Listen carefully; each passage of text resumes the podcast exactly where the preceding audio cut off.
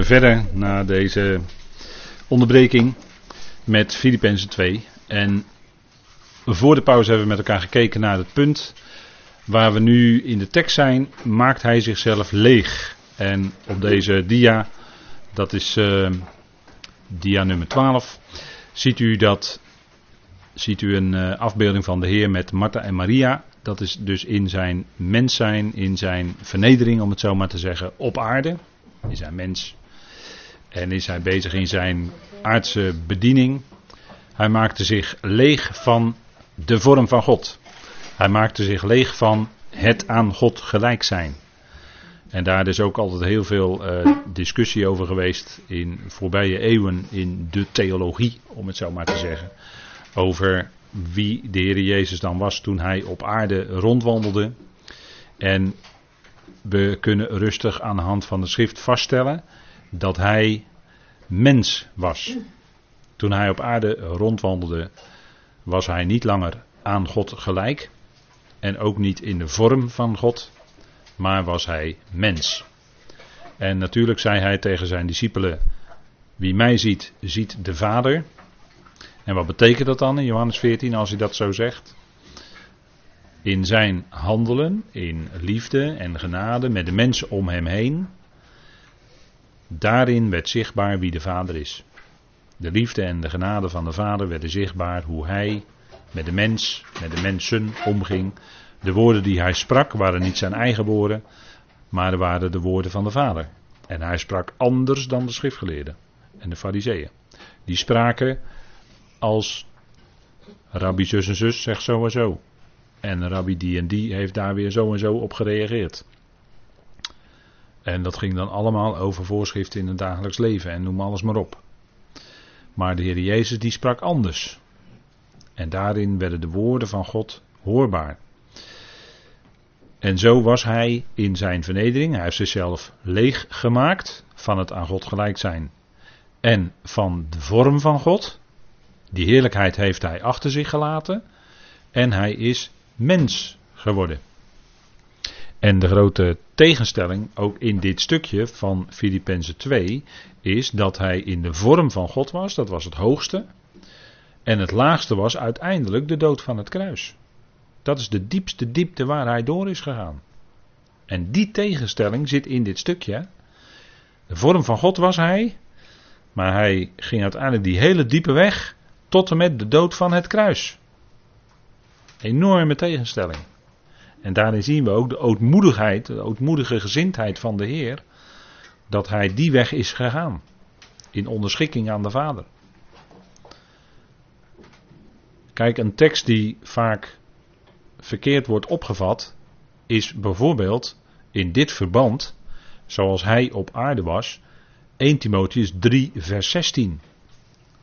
Daar staat in de meeste vertalingen, buiten alle twijfel, 1 Timotheus 3, vers 16.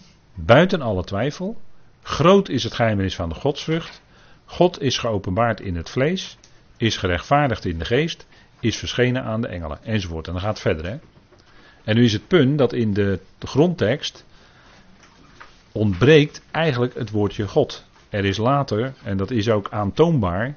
is een letter in het Grieks toegevoegd. door een bepaalde kopiist die niet toegevoegd had mogen worden, omdat hij er gewoon niet stond in de oorspronkelijke manuscripten. Waardoor de tekst niet luidt: God is geopenbaard in het vlees, want dat klopt ook helemaal niet. Dat klopt niet. En dat kunnen we ook aantonen hoor, met een andere tekst. Zul ik u laten zien. Maar dat woordje God door een latere kopiist is een letter toegevoegd, waardoor die lezing God is ontstaan. Maar als u kijkt in uw NBG-vertaling, dan ziet u dat het woordje God tussen vierkante haken staat. En vierkante haken betekent dat het niet tot de echte grondtekst behoort, maar dat het dubieus is. Dus God is geopenbaard in het vlees, dat woordje God staat er niet. Wat er wel staat is een betrekkelijk voornaamwoord, zoals we dat noemen. En dan moeten we eigenlijk het zo vertalen zoals ik het hier op deze dia onder dat plaatje heb afgebeeld. Groot is het geheimnis van de godsvrucht. Die is geopenbaard in het vlees. Gerechtvaardigd in de geest. Gezien door de boodschappers. En waar gaat het dan om? Het geheimenis van de godsvrucht. Dat is geopenbaard in het vlees en dat is ook het tekstverband waar het in Timotheus om gaat. Het gaat er niet om dat daar van de Heer gezegd wordt dat hij God geopenbaard in het vlees was, want dat was helemaal niet zo. Maar het gaat hier om het geheimenis van de godsvrucht. Die werd geopenbaard in het vlees. En daarvan wordt gezegd gerechtvaardigd in de, uh, gerechtvaardigd in de geest, gezien door de boodschappers enzovoort. Dat is heel wat anders. En dat God zijn, dat werd niet, werd niet door hem geopenbaard, maar het werd juist niet geopenbaard. Hè? Want zijn vlees, dat, dat wordt met iets vergeleken. Laten we maar even kijken in Hebreeën 10. Hebreeën 10, vers 20.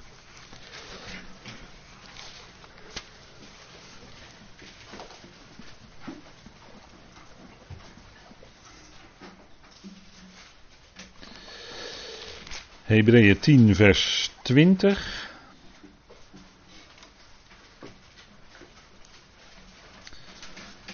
En dan maakt de Hebreeën schrijver een uh, vergelijking met de situatie onder het oude verbond. En dan spreekt hij in feite over het nieuwe, de nieuwe weg die door de Heer is geopend. En Hebreeën gaat natuurlijk over de gelovigen uit de besnijdenis. Hè?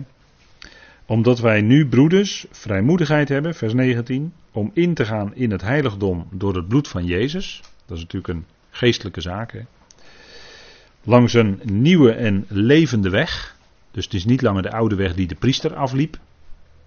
In tabernakel en tempel.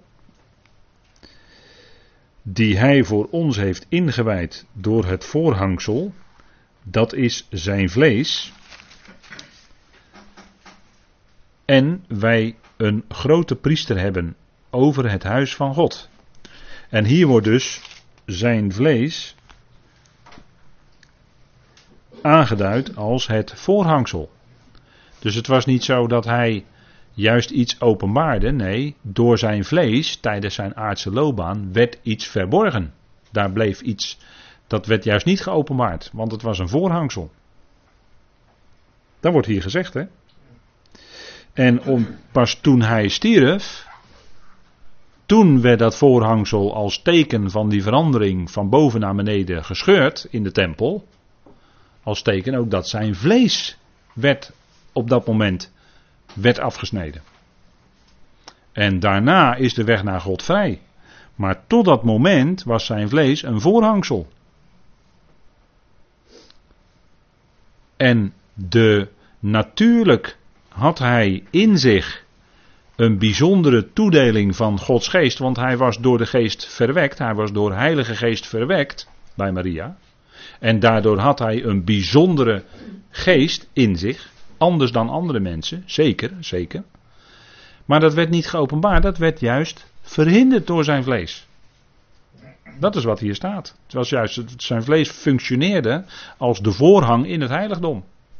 En die voorhang was nou juist niet eh, de weg open naar de, naar, naar, de, naar de ark, maar dat verhinderde juist. Het was juist een afscheiding. Dat is ook wat de tempel en de tabernakel uitbeelden. Niet dat de weg tot God vrij was, juist niet. Die weg werd eh, verhinderd. Alleen de hoge priester mocht één keer per jaar achter het voorhangsel komen bij de ark. En voor de rest werd het verhinderd voor iedereen. En het geweldige is dat toen Jezus stierf, dat het voorhangsel van boven naar beneden scheurde als teken dat vanaf dat moment via hem de weg vrij was en dat de mens vrij tot God kon naderen en niet langer die tempel of tabernakel of de priester van Israël nodig had. Dat is het geweldige van Pasen natuurlijk. Hè? Dat de mens nu vrij toegang tot de Vader heeft. In één geest, hè, staat ook in Efeze 2, in één geest hebben wij vrije toegang tot de Vader. Iedere gelovige, ongeacht wie het is, van welk volk. Want het vlees speelt helemaal geen rol meer. Hè? Daar hebben we het voor de pauze met elkaar over gehad. Het vlees speelt geen rol meer. Speelt geen rol meer van welk volk je afkomstig bent. In Christus Jezus is nog Jood, nog Griek enzovoort. Speelt het vlees helemaal geen rol meer. Je afkomst. en dat, dat, maakt ook een einde aan, uh, aan allerlei uh, trots in het vlees. Hè? Aan welke vorm van trots dan ook maar. In de wereld eh, zeggen ze van, uh, hè, Amerikanen zijn er ook, ook sterk in, ook Amerikanen, maar ook andere mensen uit andere volkeren. Maakt niet uit eigenlijk. Amerikanen zijn er heel sterk in, die zeggen ja, I'm from, en dan noemen ze een plaats. En dan zijn ze dan trots op dat ze daar vandaan komen of dat ze daar geboren zijn. Maar in, in, voor ons als gelovigen maakt het geen enkel verschil hoor. Waar je ook bent wereldwijd, als je gelovigen ontmoet, dan is die eenheid van de geest, die is er. Met de ware gelovigen, met de, echt, met de gelovigen. Die eenheid van de geest, die is er. Dan beleid je samen de Heer, waar je ook vandaan komt. Of je nou uit de Oeral komt, of uit Japan, of uit Australië, of uit Nederland, of uit uh, Groenland. Het maakt allemaal niet uit. Je bent allemaal één. En alle verschillen in het vlees vallen weg. Je beroemt je niet meer op vlees van ik ben uit die en die stad afkomstig. Dat is allemaal roemen op vlees hoor, als je dat, als je dat roept. Ja, maar ik kom uit Rotterdam. Ja, maar ik kom uit Amsterdam. Dat is allemaal roemen op vlees.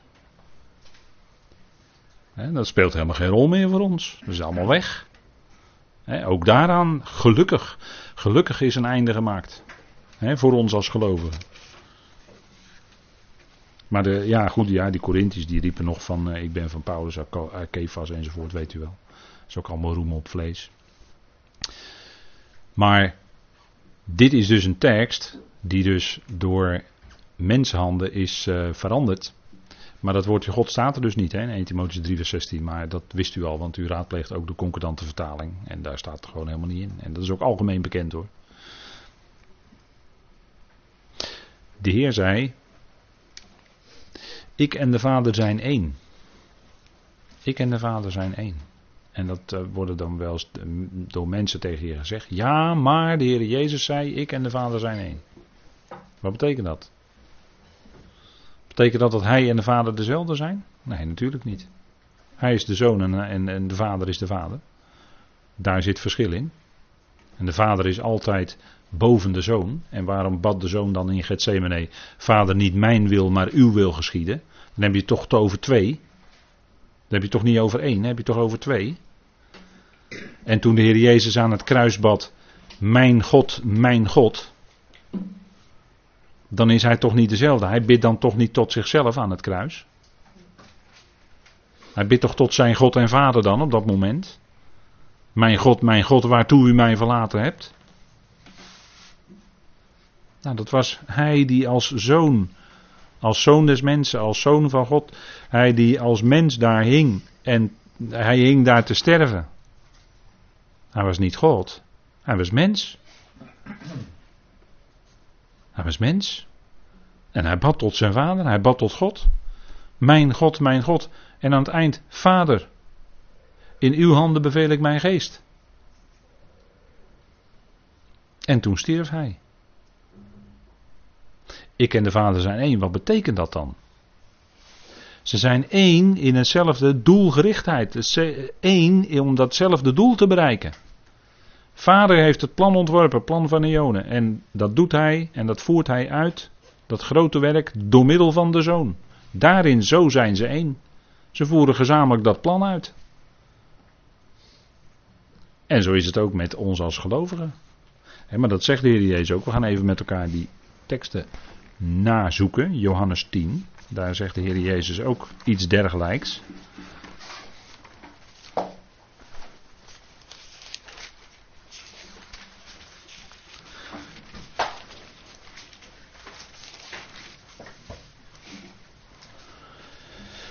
Johannes 10.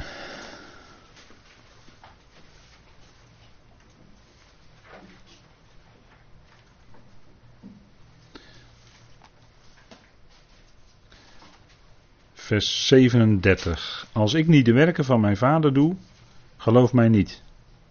Maar als ik ze doe en u mij niet gelooft, geloof dan de werken. Opdat u erkent en gelooft dat de Vader in mij is en ik in hem. Dus de Vader werkte in hem. En hij was zo één met de Vader dat hij kon zeggen: En ik in hem. Hij was zo bezig met dat, met dat uitvoeren van het werk en het plan van de Vader dat ik kon zeggen, ja, ik ben, eh, de Vader is in mij en ik ben in de Vader.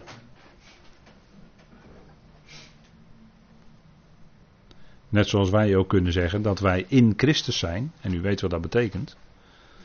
En tegelijkertijd kunnen we ook zeggen dat Christus door zijn geest in ons woont. Dus dat hij in ons is en wij in hem, kunnen wij ook zeggen. Dat is hetzelfde. En zo zei hij dat ook. Johannes 14 hè, vinden we in feite dezelfde uitspraak, dus die sla ik dan nu even over, maar die kunt u gewoon zelf nalezen. Johannes 17. Johannes 17.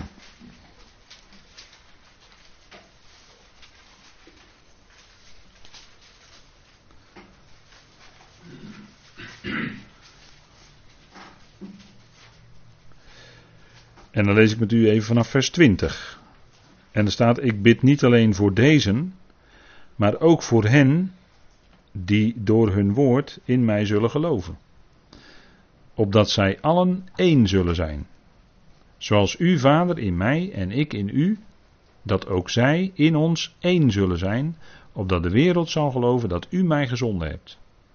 Dus de Heer Jezus bad voor die, voor die discipelen dat ze allemaal één zouden zijn. Dat wil zeggen, een eenheid zouden vormen. En het dezelfde, in diezelfde geest, in diezelfde gezindheid, hetzelfde zouden nastreven met elkaar. Zo één zijn. Hè?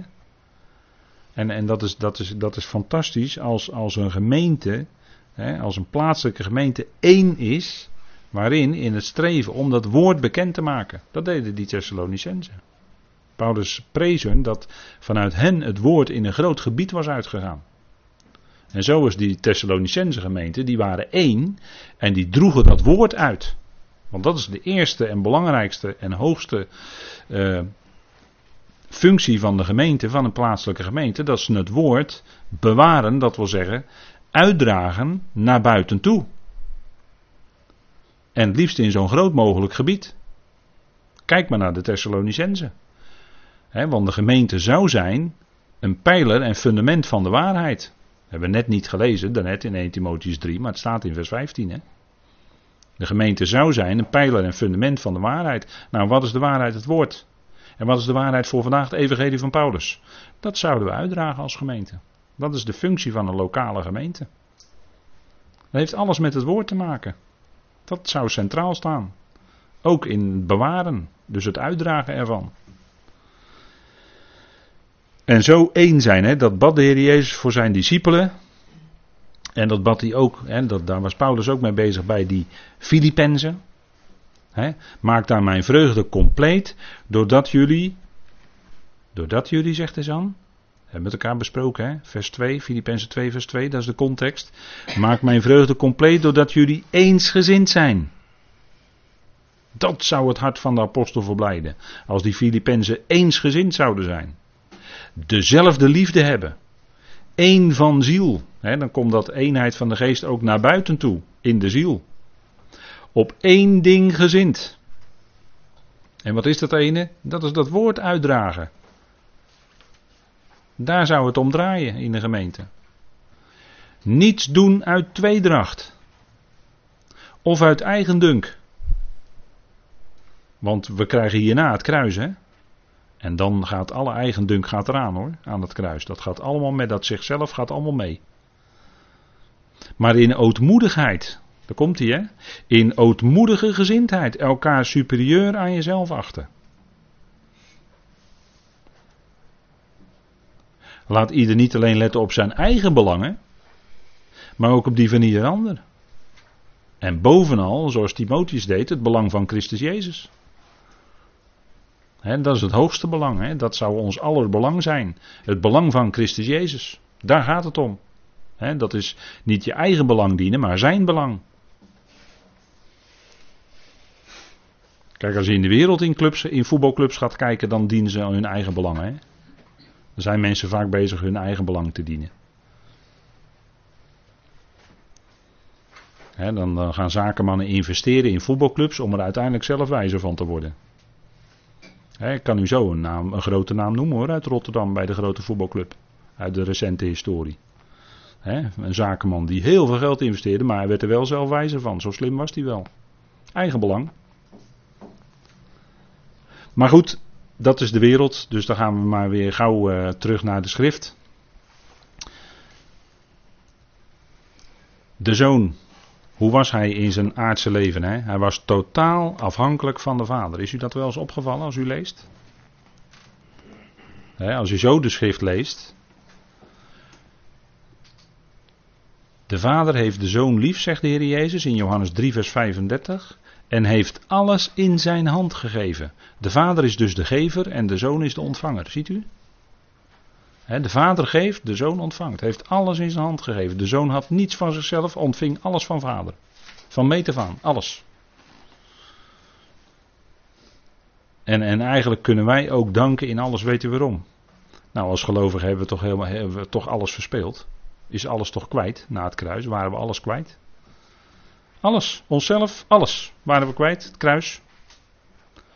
En wat we dan vervolgens ontvangen, ja, dat is alles ontvangen van de Vader. We hebben niets van onszelf meer. Dat is, dat is heerlijk hoor, als jij en jezelf ertussenuit zijn. Dat is heerlijk. Dan zit jij er niet meer tussen. Maar dan gaat het je alleen nog om de eer van de Vader. Hè? Zo was de zoon bezig. En dan zegt eh, de Heer ook: Mijn Vader werkt tot nu toe en ik werk ook. Hè? Johannes 5, vers 17. Het ging hem om het werk van de Vader. Daarin wilde hij betrokken zijn. Het werk van de Vader, dat wilde hij doen. En dat, daarin mogen wij ook betrokken zijn. Hè? Dat werk wat de Vader nu wil doen in deze tijd. En, en, en nog meer hoor, het is een bloemlezing hoor. Echt, echt bloem in, uit Johannes 5 eh, of uit Johannes. Hè? Wat zegt de zoon nog meer in Johannes 5? De zoon kan niets van zichzelf doen. Als hij dat niet de vader ziet doen, want al wat deze doet, dat doet ook de zoon op dezelfde manier. En nog een keer, hè, vers 30, Johannes 5. Ik kan van mijzelf niets doen. Zoals ik hoor, richt ik, en mijn gericht is rechtvaardig, want ik zoek niet mijn wil, maar de wil van hem die mij zendt. Wat een geweldig voorbeeld is dat, hè, de Heer. Ongelooflijk. Wat een ootmoedigheid, hè. Is de zoon van God, was zonder zonde wandelde hij. Maar hij stond zich er niet op voor, maar hij dit, hè, dit. Ik kan van mezelf niets doen. En dan dit, hè, Johannes 6. Alles wat de Vader mij geeft, zal tot mij komen. dus hij erkende dat de discipelen die tot hem kwamen en die hem gingen volgen, die naar zijn woord gingen luisteren en, en dat wilden volgen, dat zag de Heer als dat de Vader hem dat gaf. Dat had hij zelf niet bewerkt, maar dat gaf Vader hem. hij erkende dat. Dat alles wat hij had, dat had hij van de Vader ontvangen.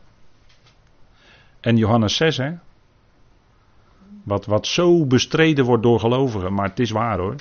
Niemand kan tot mij komen indien de Vader die mij gezonden heeft hem niet zou trekken. Als de Vader iemand niet trekt, ja, dan kan jij er met tien paarden aan gaan trekken, maar dan gaat het, dan gaat het hem niet worden hoor. Dan gaat het hem niet worden. Vader moet het geven. Vader moet het geven. Absoluut.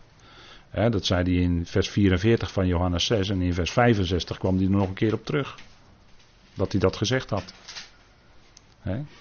Dit waren aanstootgevende woorden hoor voor de Joden. Denk erom. En voor veel gelovigen ook.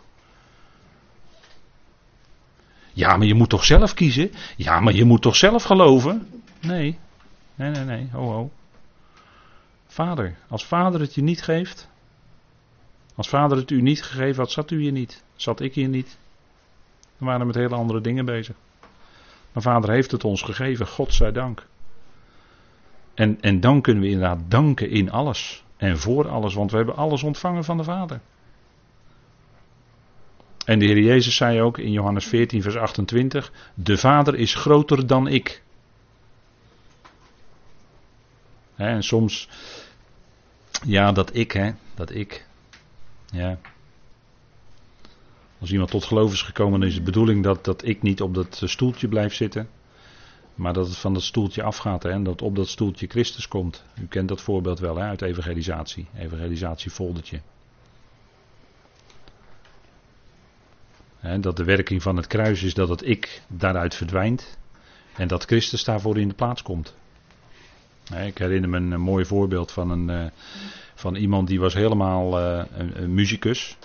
En die vond uh, een bepaalde componist geweldig om piano van te spelen. En die zei van eerst was het ik en eh, de componist. Daarna was het de componist en ik. En uiteindelijk zei die muzikus: is het alleen nog de componist. En was het ik dus uit het spectrum verdwenen. Nou, zo, zo is het ook in ons geloofsleven. Hè? In het begin zeggen wij nog misschien ik en Christus hè, en bevelen we onszelf aan. Dat we het zelf zo goed kunnen. Hè? En daarna zeggen we misschien, worden we wat bescheidener, zeggen we Christus en ik.